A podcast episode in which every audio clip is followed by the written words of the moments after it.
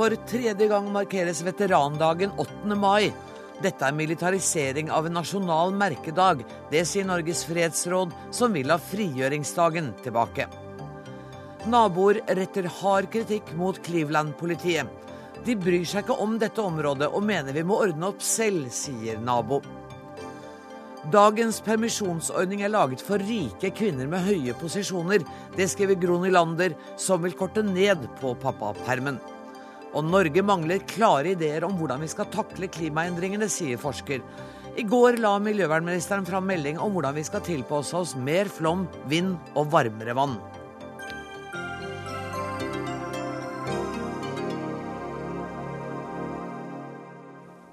Dette er noen av sakene i Dagsnytt 18, men det har selvfølgelig ikke gått oss hus forbi at Manchester Uniteds manager Alex Ferguson går av. Denne nyheten har rett og slett skapt sjokk og fortvilelse i engasjerte kretser. Mer om det mot slutten av sendinga, men først til et helt annet engasjement. I år er det tre år siden veterandagen ble innført og lagt til samme dag som frigjøringsdagen. Nå er nok nok, mener Norges fredsråd, som vil ha tilbake den rene frigjøringsmarkeringen. Hedda Langemyr, du er leder i Norges fredsråd. Hvorfor må vi ha en ren frigjøringsdag? Frigjøringsdagen vår er veldig viktig. Den er ikke bare viktig for eh, fredsaktivister og oss som er generelle tilhengere av freden. Den er også viktig for alle de gjenlevende. Eh, både krigsveteraner og, og sivilbefolkningen i Norge som opplevde andre verdenskrig. Og det er veldig viktig å ha en dag som, som markerer generell krigsmotstand, som markerer eh, fred, frihet og frigjøring uten militære komponenter. Det er også viktig som en aktiv, altså veldig viktig som en aktiv påminner på et scenario som vi for all del ønsker å unngå at skal skje igjen på norsk jord. Men eh, hvor, du sier at en, det å ha en veterandag samtidig innebærer en militarisering av eh, symbolet den dagen. På hvilken måte da? Nei, Jeg syns jo det er ganske åpenbart. Jeg var selv på Akershus festning eh, i dag, og det er jo prosesjoner med F-16-fly. Eh, Natos generalsekretær er til stede. Det er utdeling av krigskors. Det er veldig tydelig at vi er i ferd med å utvikle en eh, militær symbolikk som mange land som vi ellers ikke ønsker å sammenligne oss med, benytter seg av. Men nå er det snart 60 år siden krigen sluttet. Er det så ille om den markeringen kanskje blekner noe i forhold til andre mer aktuelle markeringer? Jo, Paradokset i denne markeringen handler jo nettopp om at utgangspunktet for, for 8. mai-feiringa var jo for å feire vår egen frigjøring. Eh, det vi nå feirer på samme dag, altså på veterandagen, eh, er jo en celebrering av norsk deltakelse i angrepskriger i Nato-regi. Det er jo to ganske fundamentalt forskjellige størrelser. Altså forsvar av eget territorium opp mot angrepskrig. Utenriksminister Espen Barth Eide, velkommen hit. Du har vært i møte med Natos generalsekretær i dag. Uh, og jeg vet at du er jo i hvert fall ikke enig med Langemyr. Uh, du syns det er helt i orden å ha veterandagen sammen med frigjøringsdagen. Det betyr jo at frigjøringsdagen kommer til å bleikne. Jeg er, jeg er, enig med Langemyr i mye annet, men dette er jeg ikke enig i. Eh, fordi at eh, jeg mener at det er viktig å, å, huske på hva 8. mai opprinnelig var. Det var jo faktisk at vi feiret en frigjøring pga. at vi hadde vunnet en militær seier. Det var jo fordi noen faktisk eh, tok våpen i hånd og sto opp mot Hitler og fascismen. I en allianse faktisk med alle de andre landene som var sammen med oss, og hvor mange kom til Europas unnsetning. Men det var freden som ble feira? Jo, men det var jo Vi feiret at det var fred, men det hadde jo ikke blitt fred uten at man da hadde vunnet og nedkjempet Hitler. Alternativet var at man da la seg flat, som noen land gjorde, for, den, eh, for fascismen. Men det gjorde ikke vi, og jeg er stolt av at Norge er et land som da var et av de landene som tok del i krigen mot eh, de aller verste kreftene eh, som har skjedd i europeisk historie. Og det var med all respekt å melde ikke slik at vi vant krigen i Norge. Det var alle de allierte sammen vant krigen på det europeiske kontinentet, i Stillehavet. Derfor kunne også Norge bli fritt. og Det, var, det vi lærte i annen verdenskrig, var at det å stå sammen med andre når det virkelig gjelder, det er viktig. Det førte til at vi var med å opprette FN og deretter Nato rett etter annen verdenskrig. Og i den tradisjonen så er vi nå med og bistår andre når det trengs. Eh, Hedda Langemyr, dette er jo et godt poeng. Altså, det var en, en, krig som ble vunnet, som man markerer. Og de veteranene som vi nå hyller, har vel også krav på det? Jo da, men nå, nå, opererer jo Barth Eide med en retorikk her om at dette her handler om solidaritet. Um, altså I min forståelse, i, i min verden, så handla det om et forsvar av norsk territorium og på en måte sikre norsk uh, frigjøring fra tysk okkupasjon. Uh, det vi nå gjør, eller som uh, Espen antageligvis vil argumentere for, er jo på en måte at de angrepskrigene vi nå er en del av, er med det samme formålet. Altså ergo å, å frigjøre andre. Mm. Det er jo vi selvfølgelig ikke enig i. Vi er ikke i noen posisjon til å kunne diktere den frigjøringa for andre. Det er vi uenige om, men jeg har respekt for at det er ulike syn på de konkrete enkeltoperasjonene. Eh, der vet jeg fra før at vi har ulikt syn på dem. Men vi må ikke snakke om dette som om det var noen nordmenn som stort sett gjennom ikke-voldsmotstand sto opp mot tyskerne, og da ga de opp og dro hjem. Det var altså en massiv internasjonal innsats for å knuse fascismen og Hitler, det Hitler-styrte Tyskland. Den var vi med på. Derfor ble Norge fritt. Og det var altså mange andre land som kom til Norges unnsetning.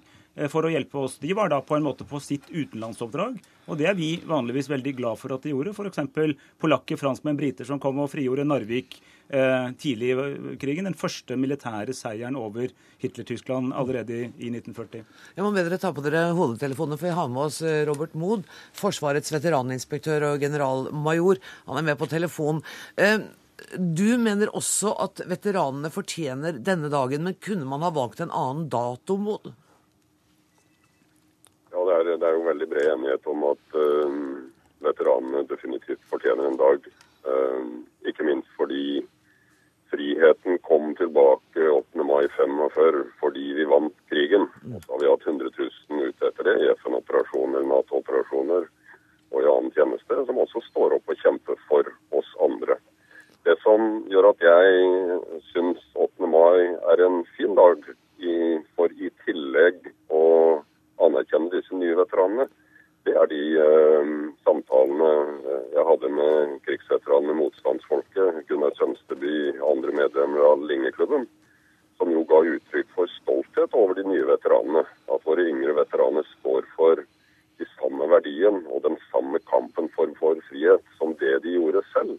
Riktignok i et helt annet internasjonalt perspektiv, men dog og så er det et annet moment som, som da bringer meg til at 8. mai er en, er en, god dag. og det er at mange motstandsfolk og krigsveteraner både er og, og var før de gikk bort bekymret for at det de sto for, viljen til å kjempe for vår frihet, viljen til å stå opp mot tyranniet og slåss hvis det kreves, denne offerviljen for nasjonen, at disse tingene skulle bli borte med deres generasjon, og så har de da selv pekt i retning av de nye veteranene som de som faktisk kan holde dette ved live. Denne refleksjonen at frihet og fred kommer ikke av seg selv. Noen må stå opp og kjempe for oss andre. Men det er vel riktig som Hedda Langemy sier, at, at, det er et sterkere militært preg over dagen etter at det ble også veteranenes dag, med F-16-formasjoner, med eh, militære oppstillinger? Hvis vi ser på alternativet da med å ha, ha, to forskjellige dager, eh, så kunne vi da risikere, eh, og det er en bekymring som kom fram i de, den type samtaler jeg, jeg refererer til, så kunne vi da risikere at 8. mai fikk en lavere og lavere profil, og det ble mindre og mindre eh, engasjement. For det handla om altså de som sto opp og kjempa på våre vegne, og som nå blir borte. Mens vi da kunne få en veterandag på et annet tidspunkt, som ville få en langt tyngre profil. Så det at vi forsøker å binde den gode erfaringen med at frihet og fred kom tilbake i 45, og de verdiene motstandsfolk og krigsveteraner sto for, sammen med det nye, og bringe det med oss inn i framtida. Jeg opplevde da krigsveteraner tjener deres sak. Og jeg, jeg syns det argumentet har mye for seg. Og så handler jo dagen først og fremst om å anerkjenne mennesker. Det handler ikke om politikken, selv om den debatten selvfølgelig er viktig nok uh, i seg selv. Harald Stange, du er politisk redaktør i Aftenposten. og Du skriver i avisen i dag at vi står ved et tidsskille. og Det viser vel på en måte denne debatten litt? Ja da, vi gjør det. Og tidsskille er alltid veldig krevende. Eh, og jeg er litt opptatt av at vi skal ha en litt åpen og ærlig debatt, for jeg syns det er det vi har mangla eh, nå disse to siste årene. Og det er en forskjell på en veldig samlende frigjøringsdag og en veterandag. Dessuten så eh, syns jeg det er verdt å få med seg også at det er noe nytt at Forsvaret så sterkt ønsker markering av veteranene.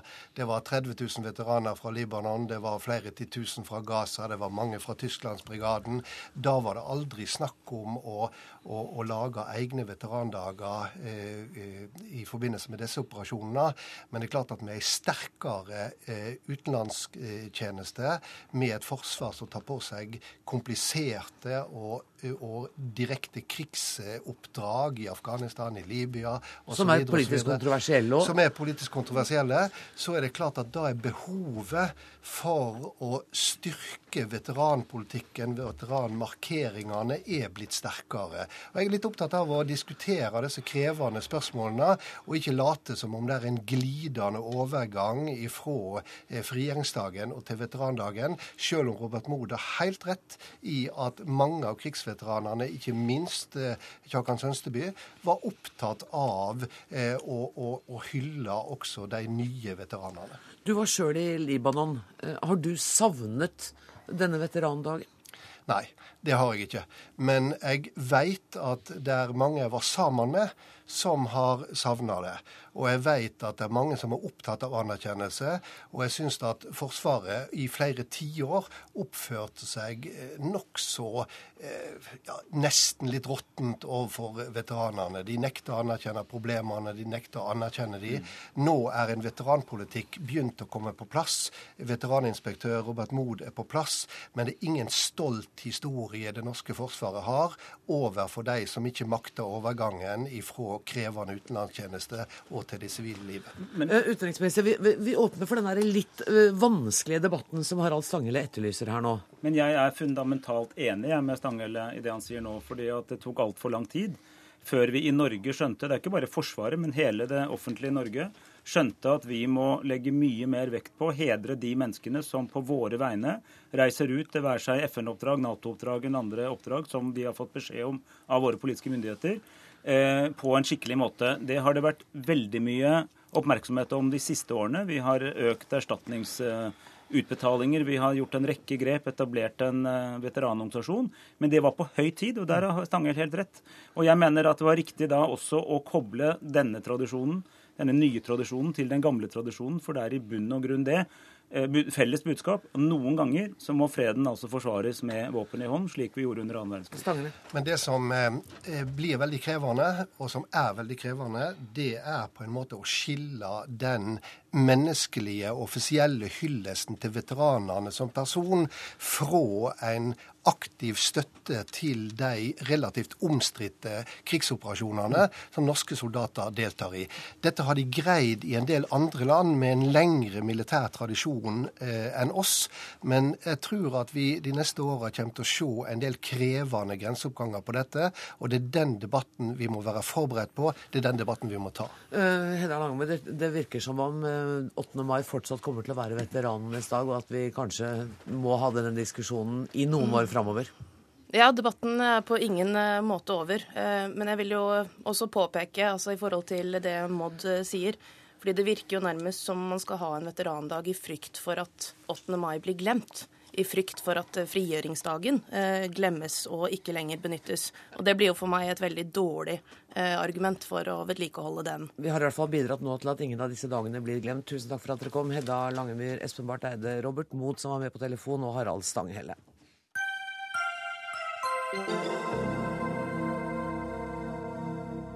En bil ligger fortsatt fastklemt i ruinene etter at en bro under konstruksjon kollapset på Leangen. Reporter Randi Lillealteren, har redningsmannskapene nå kommet seg fram til bilen? De har ikke kommet helt eh, fram til bilen, men det er jo klart at det er minst én person i denne bilen som er savna. Man vet ikke om det er flere enn føreren eh, som har sittet i bilen. I tillegg så har politiet nettopp bekrefta at eh, en arbeider som har jobba under konstruksjonen av denne broa, som er savna under de store betongmassene som ligger her. Hvor mange er det nå som er skadet etter ulykken? St. Olavs hospital har fått inn ti skadde. Det er tre stykker som er lagt inn, og sju stykker som er behandla på legevakta. Vet man noe om årsaken til at broen kollapset? Det er jo ei bro som har kollapsa mens eh, entreprenøren var i gang med å legge på betong, som de starta med i dag tidlig. Det var 700 kubikk betong som skulle legges utover eh, broa her. Og eh, prosjektlederen fra Statens vegvesen eh, spekulerer ikke i årsaken, annet enn å si at det er klart at det midlertidige fundamentet som var satt opp under broa ikke var sterkt nok, i og med at det har kollapsa. Men var det alminnelig ferdsel under eller i nærheten av broen? Det var alminnelig ferdsel under broa, og det er da en bil som har eh, blitt eh, fastklemt under raset når den har kjørt forbi. Nå er jo det her eh, en vei som er sterkt trafikkert, spesielt i rushtida. Det her Brua kollapsa ca. klokka kvart over to i ettermiddag, og det er klart at hadde det skjedd en time senere, så står det vanligvis biler nesten stille i begge retninger under den brua, så det kunne gått atskillig verre. Tusen takk skal du ha, reporter Randi Lillealteren på Leangen.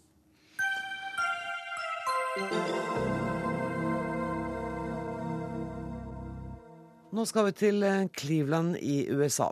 Politiet der arbeider intenst for å finne svar på hva som kan ha skjedd i huset der tre kvinner har blitt holdt til fange i mange år. Og USA-korrespondent her i NRK, Anders Tvegård, har politiet funnet noe av betydning inne i bygningen? Tau og teip og kjetting. Politiet bekrefter det, og det tyder på at eh, kvinnene har vært eh, bundet. Eh, og politiet skal også holde en pressekonferanse om en drøy time. Fram til nå så har de holdt kortene tett til brystet. Det har vært spekulasjoner i mediene her om hva som kan ha skjedd. Politiet har ikke sagt noe annet enn, de, enn de funnene de har gjort. De har også sagt at det ikke er funnet levninger av andre personer. Det har vært frykt for at flere kan ha blitt bortført. Det er mange forsvinningssaker her i, i dette området. Og det har jo også gått rykter om at det kan ha vært flere barn i huset. Men har politiet dementert det nå? Mm, de har ikke kommentert det. Det som har eh, vært eh, sagt, er at eh, en seksåring har vokst opp i, i, fangenskap i huset, og at andre kvinner har vært gravide, men at det har blitt ikke, ikke båret fram. Politiet har jo vært utenfor dette huset to ganger tidligere, siste gang i 2004 i forbindelse med undersøkelser i en annen sak. Ingen av gangene gikk noen inn i huset, og nå retter naboene hard kritikk. Hva er, hva er essensen i denne kritikken? Ja, Det er en mistillit mellom uh, lokalpersoner uh, altså i dette nabolaget og politiet. De mener at politiet ikke tar dem seriøst, og at hvis de ringer inn en anmeldelse, så, så reagerer de ikke. Flere naboer jeg har snakket med, sier også at de har varslet politiet uten at politiet har uh, kommet til huset.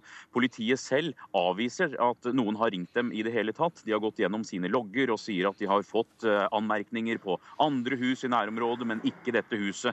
der Eh, kvinnene ble, ble holdt fanget.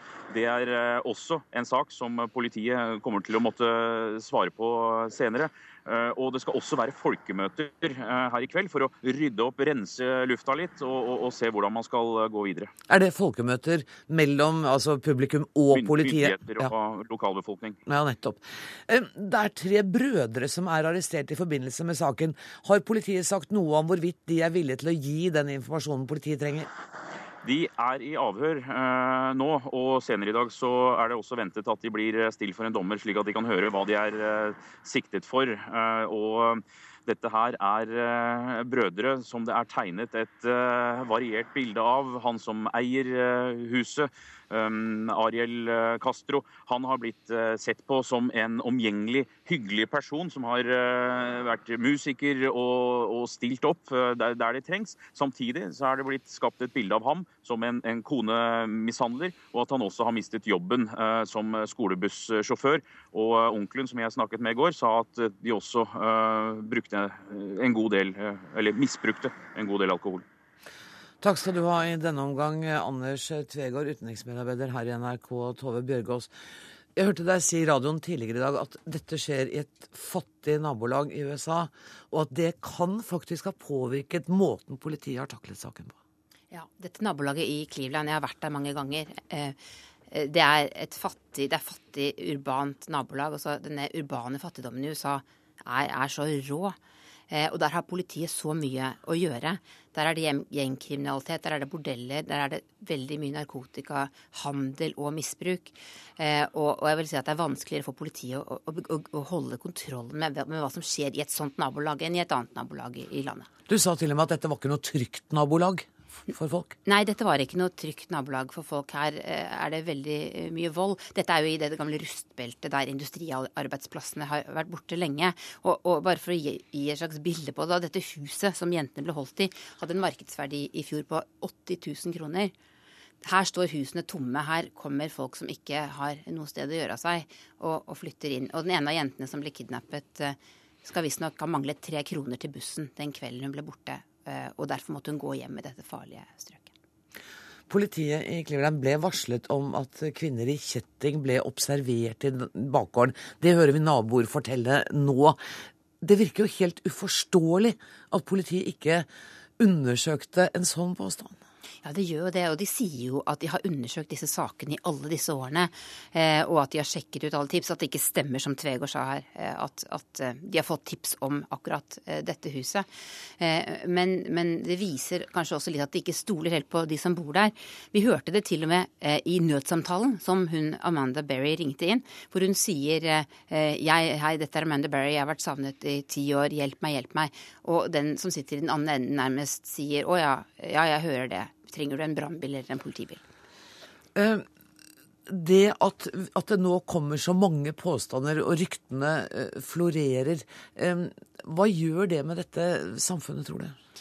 USA er et vil jeg si, rått samfunn som blir enda råere eh, for hver dag fordi forskjellene blir større.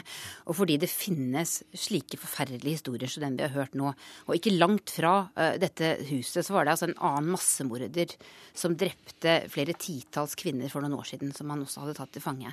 Uh, og det, det, er klart, den frykten som samfunnet i USA preges av, den gjør også at folk kjøper våpen, f.eks. Ikke sant? Og også at folk barrikaderer seg i sine rike nabolag. Og, og, og, gjør at, at folk ikke Eh, altså Veldig mange eh, rike amerikanere identifiserer seg overhodet ikke med det som har skjedd i Cleveland, selv om at de selvfølgelig syns synd på disse jentene. Kommer vi noen gang til å få vite hva som har skjedd, tror du? Jeg tror vi kommer til å få vite uh, veldig mye. fordi noe annet uh, amerikanere er flinke til, er å grave opp detaljer. Og jeg er helt sikker på at disse jentene også kommer til å snakke med pressen veldig snart. En av dem skulle allerede gjøre det i dag. Det å gå ut i media er også veldig vanlig. Kanskje ikke minst i et sånt nabolag hvor folk føler at de ikke blir hørt. Mm. Så jeg tror vi kommer til å få mange detaljer i denne grusomme historien. Tusen takk skal du ha, utenriksmedarbeider her i NRK, Tove Bjørgaas.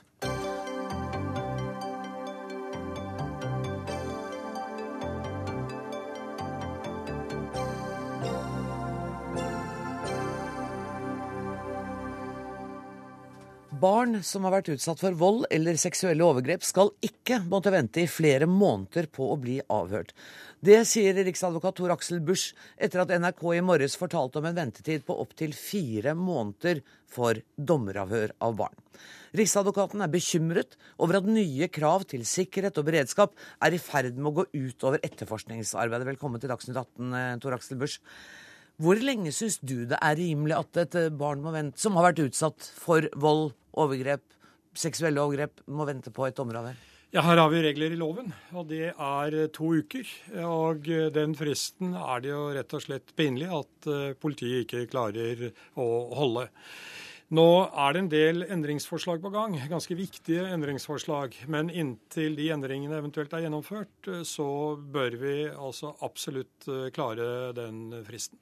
Politimesteren Oslo sa til Dagsnytt i dag morges eh, at det kom bl.a. av at de ikke hadde klart å følge med helt i utviklingen, og de hadde ikke utdannet nok folk til å gjøre dette. Det tar jo litt tid. Ja, det er eh, slik når det gjelder denne type personell som kan forestå dette, at man har et eh, formalisert utdannelsesløp. Men så har andre politienheter gjort undersøkelser over hvor mange som er utdannet i Norge. Og det er altså ganske mange. Så spørsmålet er jo om vi bruker eh, dem som har den adekvate utdannelse, til de riktige oppgavene. Så det er også en del av bildet. Men har ikke du fulgt med i timen, da? For det, altså, du er riksadvokat, og du ser at det er fire måneders ventetid. Og så er du mildt overrasket og syns det er litt pinlig nå. Eh, jeg tror ikke jeg sa at jeg var overrasket. Nei, det jeg, tror jeg også, det. jeg tror også jeg sa det var pinlig for politiet. Og nå skal ikke jeg eh, unndra meg det ansvar jeg har. Men jeg kan altså ikke gå inn og bestemme hvordan politiet skal organisere eh, sitt arbeid. Jeg kan se etter om de følger opp eh, de fristene, konstatere avvik, og det har vi gjort eh, over lang tid. Og forutsette da at de gjør de nødvendige organisatoriske endringer og iverksetter de eh, nødvendige tiltak. Nå er det en litt bredere historie her. Jeg tror første gang var i 2005 vi sa til eh, Justisdepartementet at man bør gå gjennom hele ordningen knyttet til dommeravhør. Og nå i disse dager holder vi på med en høringsuttalelse til et veldig viktig forslag, hvor vi mener at det første avhøret av et barn i den situasjonen ikke skal tas som et dommeravhør, men skal tas av kvalifisert eh, personell i politiet som et ordinært politiavhør. Og da ønsker vi å gjøre det innen en uke. Og så skal vi med de sakene som vi går videre med, etter at etterforskningen har pågått en stund, komme til uh, uh, retten og si at dette er en sak som vi sannsynligvis da vil gå videre med. Her er det grunnlag for dommeravhør. Det har bl.a. sammenheng med at kunnskap om gjentatte avhør, hvorvidt det er skadelig for barn eller ikke, det har endret seg i betydelig grad. Tidligere var man sikker på at barn bare burde avhøres én gang. Derfor denne ordningen, som vi har hatt helt fra 1926 eller der omkring. Men nyere forskning er helt entydig på at gjentatte avhør ikke på noen måte er skadelig for barnet. Og denne ordningen som jeg nå håper blir eh, vedtatt, den vil altså gjøre oss bedre i stand til å følge opp disse sakene raskere vis-à-vis barna. Vi vil være bedre eh, i stand til å gjøre gode etterforskningsmessige taktiske vurderinger. Så det er en lang rekke eh, fordeler ved, ved, ved dette. Når, da, når vil dette kunne skje? Ja, Det er et spørsmål om lovendringer. og Da er det jo lett for meg selvfølgelig å peke på Justisdepartementet og, og, og storting. Men uh, dette skal ikke være noe sovepute, kan ikke være noe sovepute for politiet ut i den faktiske situasjonen. Og la meg legge til at politimesteren i Oslo har jo gjort adekvate håndgrep med å sette på flere personell på denne type saker. For disse ungene har ikke tid til å vente? Nei, ja, ungene har ikke tid til å vente, men vi, vi har ikke tid til å vente som nasjon. Altså, det, jeg har mange ganger sagt at hvordan vi håndterer saker mot barn, det sier noe om hvor langt vi er kommet eh, i vår utvikling. Og for å snakke om et litt bredere perspektiv i dette, i rundskrivet fra ditt kontor om mål og prioriteringer for straffesaksbehandlingen, så skriver du, og jeg siterer, den sterke oppmerksomhet på beredskap og sikkerhet i kjølvannet av 22. juli-saken innebærer en reell fare for at etterforskning blir skadelidende. Og du skriver også at dette ikke er i tråd med sentrale direktiver. Er dette ment som en advarsel til politiske myndigheter? Ja, Det er ment som en advarsel til oss alle. og uh, Dette er altså en bekymring som jeg har hatt over tid, også før 22. Uh, juli, som jeg både har skrevet uh, og sagt. Vi ser at de som utdannes til politiet nå, de har en dragning mot det de kaller operativ tjeneste, altså vanlig uniformert tjeneste.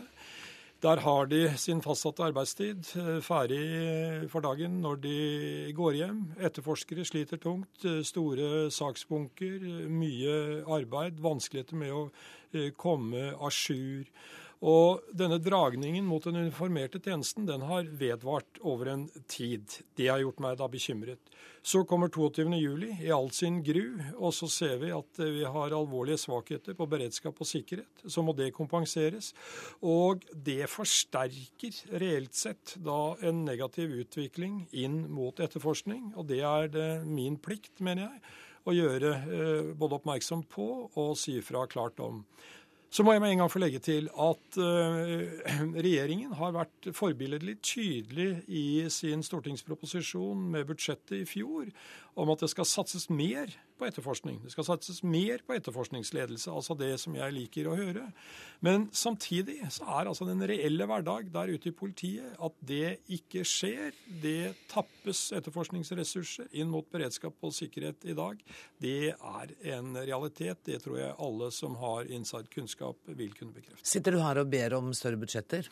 Ja, Det er jo en del av det, men det jeg i første omgang sitter og ber om, det er at man nå ikke går fra den ene grøfta til den andre. At her, eh, Populært snakker man jo om å ha flere tanker i hodet på en gang, men at dette er ikke et enten-eller, men et både-og. Eh, det har selvfølgelig en ressursmessig side i bunn, men her er det jo også gjort grep. Det utdannes jo nå mer politi enn noen gang før. Har du fått reaksjoner fra folk som jobber med etterforskning?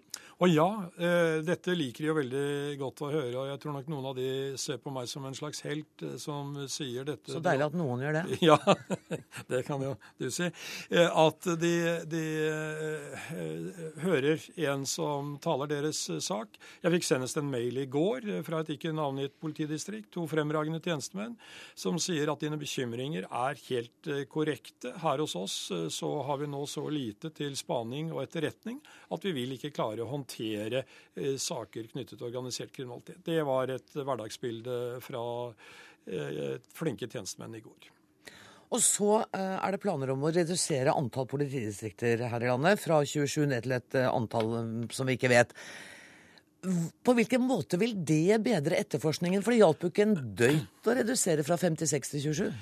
Nei, det tror jeg du har funnet i noe som jeg har sagt, kanskje. Fordi da vi gikk fra 56 distrikter, som vi hadde i veldig mange år, ned til 27, eh, så uh, syns jeg ikke effekten av det ble så god som det man hadde trodd på etterforskningssiden. Vi trodde vi skulle få store, kraftige miljøer, at vi skulle bli veldig gode på uh, mange områder.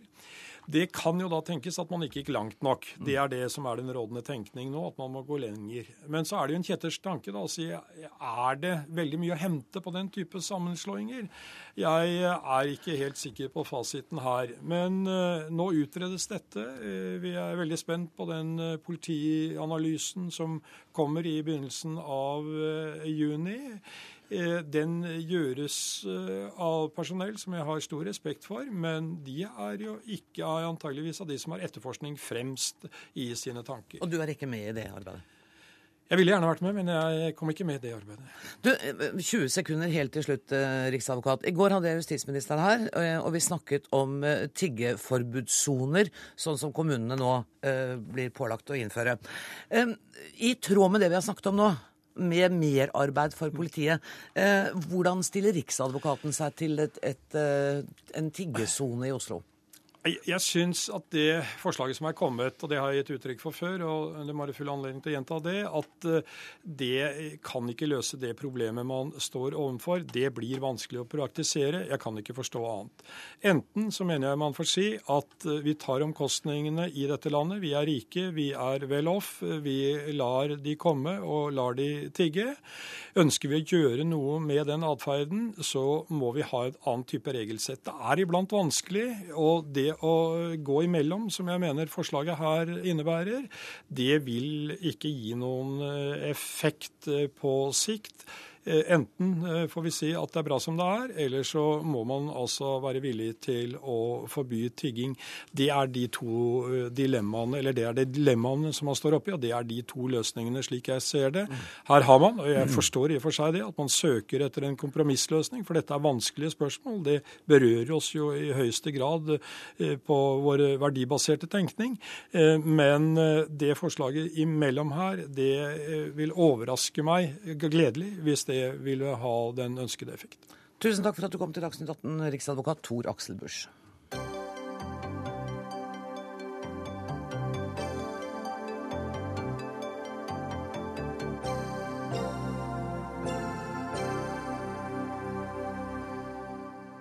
Ekstremvær, skogbranner og flom kan sette samfunnet på store prøver i framtida.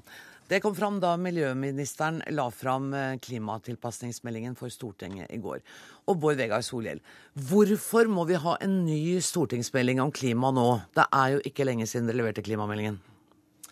Fordi klima kommer til å forandre seg, sjøl om vi skulle lykkes med våre globale målsetninger. Derfor handler den stortingsmeldinga her om hvordan vi skal forholde oss til de forandringene i Norge. Hvordan det må påvirke vår samfunnsplanlegging, vårt arbeid her. Hvordan eh, vi må bygge veier og boliger litt mer robuste. Hvordan vi kan få flått over mye av landet vårt. Hvordan eh, vi på andre måter må Hvordan helsevesenet og vann og avløp, eh, plan- og bygningsetaten, alt mulig, må forholde seg til de globale klimaendringene som òg vil ramme Norge. Trude Rauken, du er tilpasningsforsker ved CICERO Senter for klimaforskning. Og du sier at stortingsmeldingen om klimatilpasning er for vag. Ja, det sier jeg jo fordi eh, som meldingen sier, så har jo alle et ansvar, og kommunen har et spesielt ansvar som det største produsent av velferdstjenester i Norge. Men eh, denne holdningen som meldingen har om at eh, vi kan gi kommunene en eh, forskningsbasert kunnskap og, eh, og en eh, og noen planretningslinjer, og så skal alt ordne seg, og det skal føre til tilpasning, det har vel ikke vi som forsker på tilpasning så stor tro på. Hva, hva mener du burde stått der, da? Jeg mener at i større grad at meldingen burde ta inn over seg det at eh, kommunene trenger ressurser for å tolke den kunnskapen som forskerne eventuelt produserer, som de får på bordet, og koble det i en lokal kontekst. For kommunen sitter også på mye viktig kunnskap om lokale forhold. Men kan du være litt, Går det an å være litt konkret her? Hva slags eh, hensyn er det kommunene kanskje ikke er i stand til å ta? Ja, altså, som meldingen sier, så skal jo, det skal jo eh, kommunen ta hensyn til klima. Og så skal den ta hensyn til en rekke andre samfunnsproblemer eh, eller utfordringer. Så hvis du da tenker en kommune som sliter med sviktende befolkning, som ønsker et bedre næringsgrunnlag, og som, eh, som har en eh, privat utvikler som banker på døra og sier at han vil ha et kjøpesenter på den siden av veien, som kanskje ligger litt utsatt til om 50 år. Mm. Hvilket, hvilket hensyn er det kommunen kommer til å legge vekt på da? Er det at det kanskje kommer til å regne litt mer om 50 år, og at vi kanskje får en flom? Eller er det at vi vil ha det kjøpesenteret som skaper 500 nye arbeidsplasser? Det er ikke så veldig vanskelig å svare på det. Jeg, jeg vet jo hva man ville ha tenkt. Det ville til og med du. Men, men er det ikke riktig at dere ikke har Dere har ikke gått konkret nok til verks i denne meldinga? Nå har jeg bare lest sammendraget. og det er, det er mange ord og lite tiltak. Kan jeg da først at Det absolutt viktigste budskapet mitt i den stortingsmeldinga her, ikke alle enkelttiltakene, men at klimaendringene òg vil ramme oss, ikke bare Maldivene og en annen øystat. Og at vi må gjøre alt vi kan for å kutte utslipp og hindre at det ikke rammer oss så veldig sterkt. Jeg er veldig opptatt av det er der vi må begynne. Så er klimatilpasning egentlig som forebygging. At det best fungerer hvis det er litt usynlig og bare skjer i alles daglige arbeid på sine felter. Hvis de som skal gi boligtillatelser, bare i sitt alminnelige arbeid passer litt på at vi må bygge litt over vannet, hvis de som har ansvar for vann og avløp, bare veit at vi må ta litt mer hensyn, osv., osv. Og det kan, jeg vet, det kan høres litt diffust ut. Det er mer spektakulært å bevilge 10 milliarder og si vi lager en etat for det og sånn, men det fungerer bedre hvis det integreres i alt det daglige arbeidet. Og det er det vi forsøker å gjøre og ta til orde for i denne meldinga. Og jeg skulle til å si at Da må man bevisstgjøres i det daglige arbeidet, og det er det dere da altså eh, forsøker å gjøre her? skjønner jeg. Ja, det gjør vi på men to måter. Den ene med å lage et regelverk som skal være tydeligere for de kommunene. Og det andre ved å gi bedre støttefunksjoner både nasjonalt og ute hos fylkesmennene når de lurer på ting. Men, men skjønner du at, at, når det blir liksom så mye ord, og det er så mye farlig som kan skje, så, og det ikke er noe konkret, så kan noen tenke at vet du, jeg gjelder blaffen, for det blir sikkert ikke så ille. Og i hvert fall ikke min levetid. Ja, så jeg tenkte, Hvis jeg hadde, sier at jeg hadde sagt vi må ha ti milliarder, og vi må ha, det må være fem i hver kommune som bare jobber med det, du hadde hørt det mye mer spektakulært ut. som ja, jeg sa. Ja. Men det ville vært feil. Dette er typisk ting. Er du nå så sikker på det? Ikke må øremerke og, og si at man skal være litt på sida av andre ting. Det er typisk den tingen som må inngå i alles alminnelige arbeid med sine felter. Og fordi det handler om alle områder. Det handler om helse, handler om vann og avløp, om plan og bygning og alt som man driver med rundt omkring i kommunene våre. Og Derfor er jeg overbevist om at innretninga er riktig. Så, men så kommer vi til å komme i budsjettene i åra framover til å komme tilbake med bevilgninger til f.eks. et senter for klimatjenester og til støttefunksjoner gjennom fylkesmennene. Dere eller en annen regjering. Eh, Silje Lundberg, du er leder i Natur og Ungdom. Du er også kritisk, men kanskje på et litt annet grunnlag enn forskeren? Ja, kanskje på et litt annet grunnlag. Det som jeg eh, tror jeg er litt kritisk til, er at den ikke har noe særlig politikk på petroleum i det hele tatt. Eh, og der er det, og nå er det ikke her fordi at vi alltid vil snakke om olje uansett hva det handler om. Oh, gjerne, dere gjør ofte det. Ja. Jeg skal ikke begynne å snakke om Lofoten, jeg lover. Men, men, det det her handler om, altså, er jo liksom for å, når jeg starta i Natur og Ungdom for tolv år siden, så husker jeg jeg ble kjempesur når noen snakka om at vi måtte tilpasse oss klimaendringene, for vi skulle jo stoppe dem. Og nå har vi på en måte kommet så langt at det er jo egentlig litt synd at vi trenger en sånn melding, fordi at de her endringene skjer sånn at man må, man må ha tilpasning. Men da, da må vi gjøre det. Og det som vi vet, at det er naturen som rammes hardest, og den rammes hardest i nord. Og for tre år siden så kom det en sånn NOU, en sånn offentlig utredning.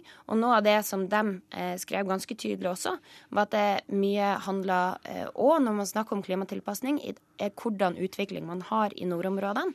Hvordan føre-var-prinsipp man legger til grunn for petroleumsforvaltninga. Men også hvordan krav man nå skal stille til oljeindustrien for at de eh, plattformene som man både allerede har, men også eventuelle nye, uansett hvor de måtte komme, faktisk er innrettet sånn at de greier å håndtere de endringene som klimaet fører med seg. Om det er høyere bølger, om det er ising, om det er vind. Og det adresserer denne meldinga i veldig liten grad. Du har, noen, du har ett kapittel om, om Arktis, men de, det som står der, er òg relativt vagt. Sånn at det er også det som er en, en utfordring, da. fordi det som man ser når klimaet endrer seg, er at jo, da åpnes nye havområder. Eh, fordi eh, is forsvinner og så videre. Sånn at da får du på en måte du får den den andre veien, istedenfor at man nå sier at OK, nordområdene er spesielt utsatt, vi skal gå ekstra varsomt, her, her må vi faktisk ha en mye strengere føre-var-prinsipp. Så blir det i mer grad sånn nytt område åpent fordi isen åpner seg opp. Jeg syns Silje Lundberg på mange måter har et poeng her, jeg. Uh, og mitt svar på det tror jeg vil være at de aller viktigste beslutningene det dreier seg om, tas helt andre steder. Det tas når vi ikke åpner områder for petroleumsvirksomhet, sånn som Lofoten. Så fikk jeg òg sagt det. Da er vi der. Ja, nå er vi ferdig med det. Eh, Eller lenger nord i Arktis. Nettopp. Og det tas f.eks. det vi nylig har presentert, et forskningssenter for konsekvenser av næringsvirksomhet i nord, som vi skal lokalisere til Tromsø, som nettopp skal kunne eh, forebyggende forskning mot de endringene som vi dessverre ser kommer likevel. Men, men jeg merker jo hvor mye morsommere du syns det er å snakke da, om Lofoten og Vesterålen og petroleumsindustrien og oljen, enn om det som forskerne er opptatt av, nemlig kompetansen i den enkelte kommunen til å klare å se. Og, og det skal jeg si, men da skal jeg si, det er en god grunn til det. fordi det aller viktigste er jo å stoppe de menneskeskapte klimaendringene så mye som mulig.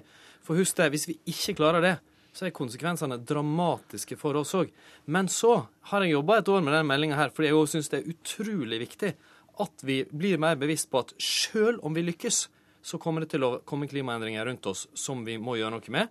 Eh, Men der er budskapet fra meg ikke sånn lag en egen enhet for det, men integrer det i det daglige arbeidet rundt omkring. Sånn som veldig mange faktisk gjør. Bare et eksempel i Nasjonal transportplan. Der er en egen del om det her, og der vi sier nettopp at veibygginga i framtida må ta hensyn til klimaendringene.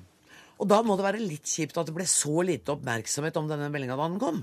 Uh, du, det har faktisk vært skrevet en del om på forhånd før eh, vi la den fram. Ja, okay. uh, og det ble uh, en del oppmerksomhet om det i går. Men mye viktigere til er oppmerksomhet om klimaendringene enn hvordan vi skal tilpasse oss. Der er det viktigste at vi gjør det på en god måte. Ja, og dere skal få lov å komme tilbake til dette studioet, men jeg må sette strek akkurat nå. Takk til Bård Vegar Solhjell, takk til eh, Trude Rauken, og takk til Silje Lundberg.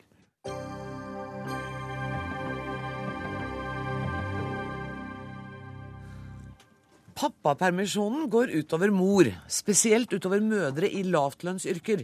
Det hevner, hevder pensjonert fødselslege og ammeforkjemper Gro Nylander. Hun vil overføre deler av pappapermen tilbake til mor. Og du syns vel kanskje også at det burde hete fødselspermisjon, Gro Nylander? Ja, først kunne vi ha en fødselspermisjon, og så kunne vi ha en foreldrepermisjon som man kunne dele på. For det som jo har skjedd, er jo at eh, de har økt hele permisjonen. Og det er flott, men de har gitt alt til pappa. Og dertil har de tatt tre uker fra mamma. Sånn at kvinner står i dag dårligere stilt enn de gjorde for 20 år siden. Men mamma har allikevel bortimot åtte måneder hvis hun tar minimum, er ikke det riktig? Nei, altså hvis, nei, hun har 14 uker hvis hun tar det hun har soleklar rett til. Så det er på en måte vår agenda at kvinnen som har født og båret og ammer og holder på, hun skal ha rett til åtte måneder hvis hun ønsker det og syns hun trenger det. Og så er det plass til pappa. Flott med pappaperm. Men du, unnskyld meg, hvor mange kvinner, fødende kvinner er det som tar 14 uker eh, permisjon og ikke mer? Heldigvis veldig få, og det syns jeg må være et signal til? SV. Ja, det er noen. Fordi at, altså, I vår tid så var hele permisjonen greia var 16 uker, og så var det vær så god gå tilbake på jobb. Eh, og nå, de fleste tar vel 38 åtte uker. Er ikke det riktig, Inga Marte Torkelsen? Du er statsråd med dette som ansvar. De fleste kvinner tar mesteparten sjøl. Og um, jeg syns det er litt rart å høre på det som du sier, Gro. fordi før vår tid, da, altså den rød-grønne regjeringas tid i 2005, så var det jo seks uker som var øremerka til mor. Ja. Mens vi har utvida den til 14 uker. Og så er det en fellesdel. Den har aldri vært morspermisjon, men den har vært oppfatta som morspermisjon. Men den har ikke vært det. Det har ikke vært noe øremerking. Eh, og så eh, har det da utvikla seg nå sånn den siste tida gjennom en øremerka del til far at fedre ser på seg sjøl som mer naturlige omsorgsgivere og viktigere i livene til sine barn. Og det syns jeg er veldig positivt. Men du forteller jo da om kvinner som kommer gråtende til konsultasjon fordi de er presset ut i arbeidslivet. Og det var jo eh, agendaen bak at vi skrev denne kronikken, allmennpraktikeren fra Trondheim og jeg, at vi ser jo disse kvinnene.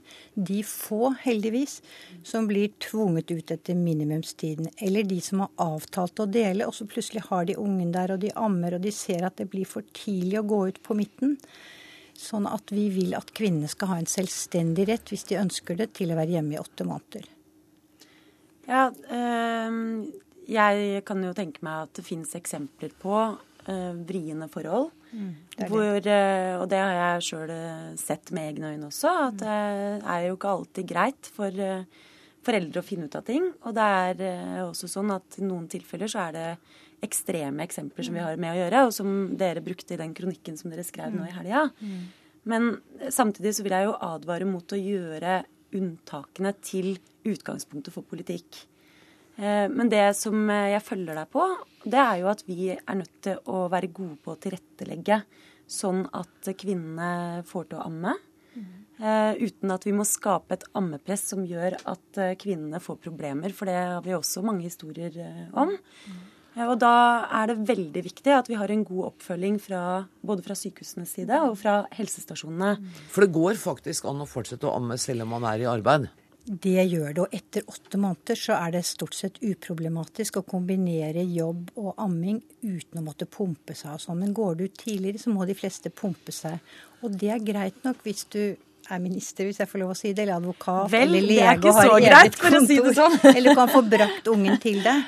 Men, Men du mener at det er et klassespørsmål, dette her? Ja, det er et klassespørsmål. Det er derfor jeg vil be Inga Marte ta det til hjertet sitt som mm. god SV-er. At det er ikke så enkelt hvis du er stuepike eller renholder eller kassadame eller hva det er. Mm. Å fortsette med dette hvis du må ut etter fem måneder istedenfor etter åtte. Det er det, det er det altså veldig få som gjør. De, det er fortsatt sånn at kvinner tar det aller aller meste av permisjonstida si. sånn at dette er litt teoretisk øvelse ja, hvis du ser på virkeligheten. Men én ting bare. Fordi i går så fremma jo Da, da eh, stemte Stortinget over et forslag som jeg er veldig stolt av at eh, vi har lagt fram. Eh, og som dreier seg om at alle kvinner, uansett om de er omfatta av tariffavtale eller ikke, jobber i privat sektor eller i offentlig, de skal ha rett til ammefri med lønn. Det er, det er, et viktig klassespørsmål, for dette angår 8500 kvinner i Norge som ikke har hatt denne retten, mm. og som ofte ikke er fagorganisert, som gjerne har kortere utdanning og ikke så mye kontroll nødvendigvis heller over sin arbeidssituasjon, og nå får de den rettigheten. Og det stemte da Høyre og Fremskrittspartiet mot, og det syns jeg er veldig dumt.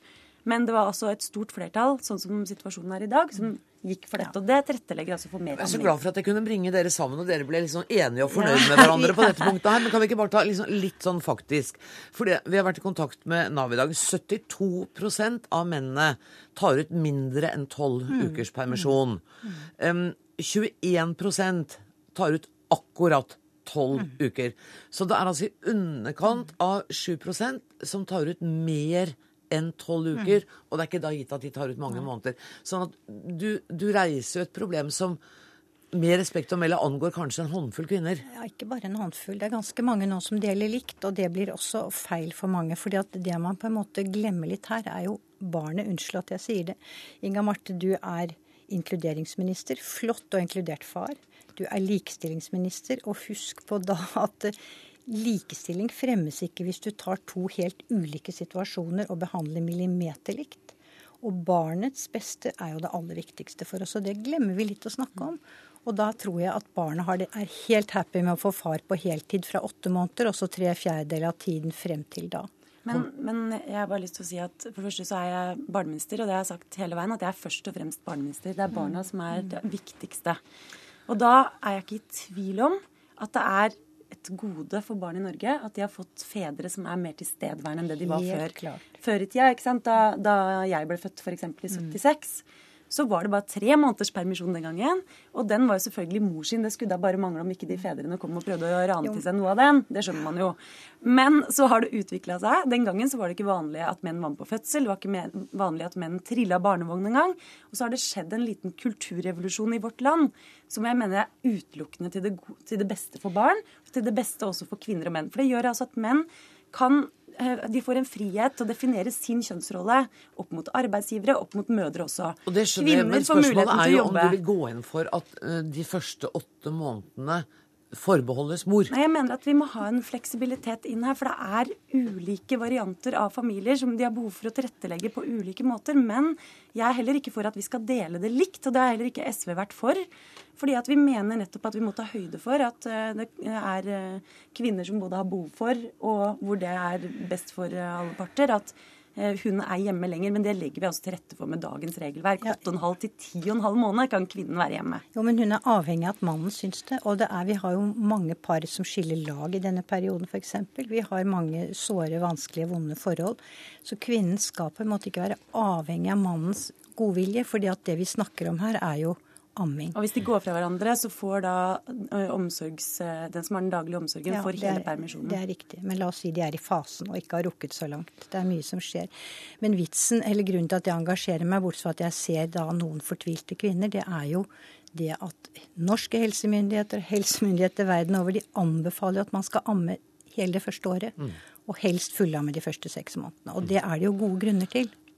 Og vi er heldigvis da på topp som verdens beste ammeland. Og vi er også et av de aller beste mødrelandene og barnelandene og sånn, sånn at det går ganske bra i Norge. Og det som er veldig viktig, er at vi fortsetter å inkludere menn. For at jeg syns at det er litt undervurdering av mannens rolle i det jeg leser som dere har skrevet. Det er litt sånn også menn kan være viktige, liksom. Nei, de er kjempeviktige. Ja, de er kjempeviktige. Veldig viktige for barna. og Jeg roper helt hurra for at de tar et mer Ja, ansvar. hell, hurra og flott, og kom hjem og vær hjemme. hurra for mannen, vet du hva. Tusen takk for at dere kom, Inga Marte Torkelsen og Gronny Nylander. Hør Dagsnytt 18 når du vil, på nettradio eller som podkast. nrk.no – dagsnytt 18.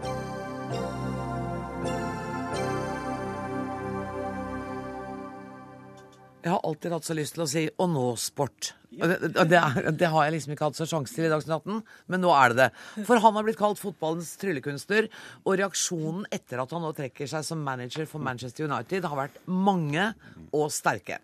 Sir Alex Ferguson går av etter 26 år og 13 ligatitler for klubben. Og fotballjournalist i Dagbladet Tom Salsberg. Hva, hva er det med den fyren? Nei, altså Han kom jo til Manchester United som lå litt i ruiner. De var en sovende kjempe i 86. Den første kampen han tok over, så satt bussjåføren på, på, på reservebenken sammen med. Han skjønte at her måtte han gjøre noe. Der starta nok hans filosofi. Helprofesjonelle stab, klubb.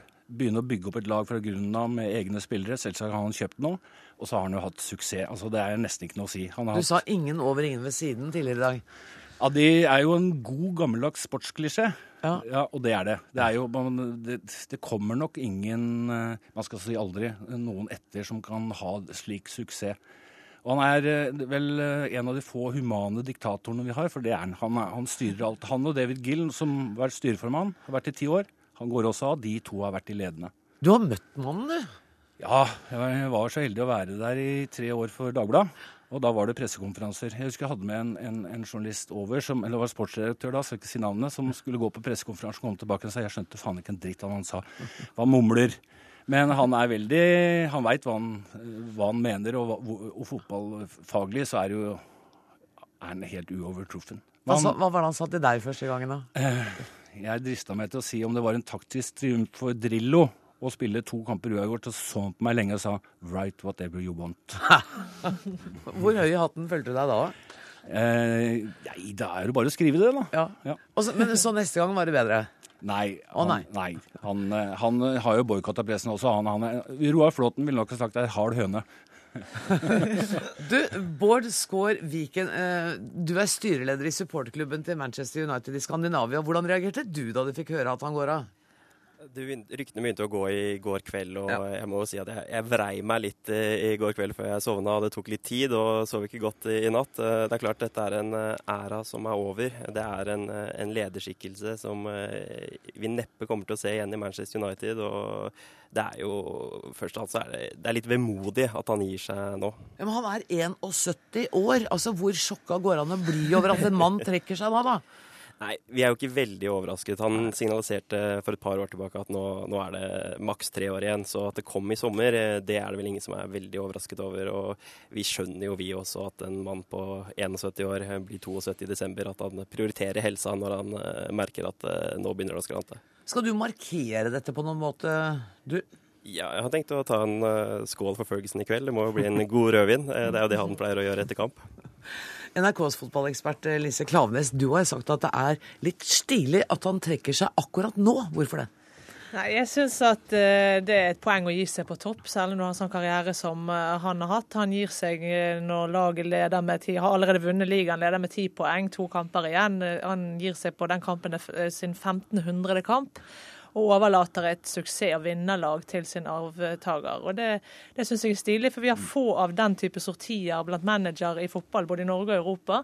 Steiere, som står for liksom en, en hard dags arbeid gjennom så mm. mange år.